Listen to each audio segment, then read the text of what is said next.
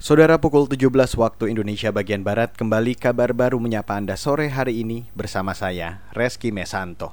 Saudara, sekira 31 kabupaten atau kota di Indonesia saat ini masuk zona risiko tinggi.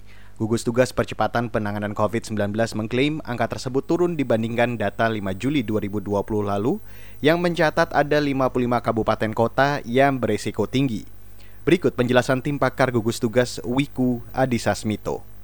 Di sini saudara-saudara bisa melihat bahwa perkembangan untuk uh, daerah kabupaten kota dengan risiko tinggi berubah-ubah mulai dari 21 persen turun menjadi 12 persen, 9 persen, dan pada tanggal 12 Juli uh, menjadi 6 persen. Hal ini menunjukkan bahwa uh, zonasi ini sangat dinamis dan kecenderungannya selama ini minimal untuk selama 7 minggu terjadi peningkatan.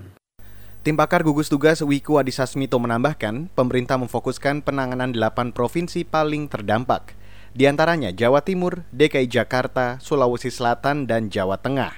Pemerintah juga akan meningkatkan 3T, yaitu pengetesan, pelacakan, dan perawatan dengan harapan kondisi di Indonesia secara keseluruhan akan menjadi lebih baik. Sementara itu, saudara ahli epidemiologi dari Universitas Indonesia atau UI Tri Yunismiko Wahyono menyarankan pemerintah meningkatkan deteksi kasus COVID-19 dan memperketat isolasi pasien positif.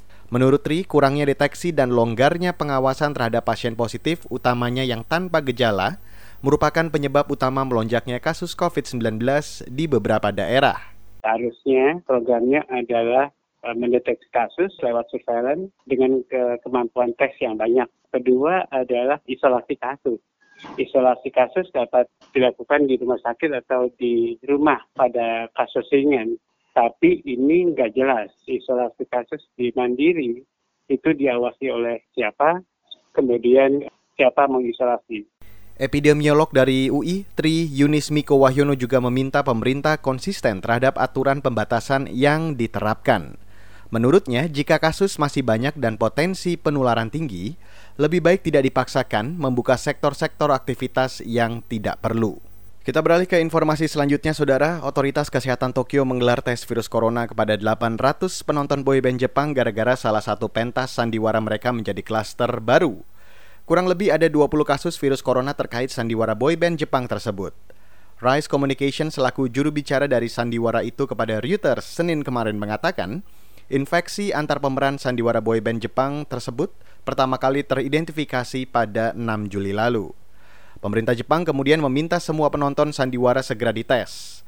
Sandiwara boyband Jepang itu sendiri mengambil lokasi di Teater Molir dekat distrik hiburan malam Tokyo. Sandiwara digelar selama enam hari berturut-turut dengan jumlah penonton per malam maksimal 190 orang. Demikian kabar baru KBR saya Reski Mesanto.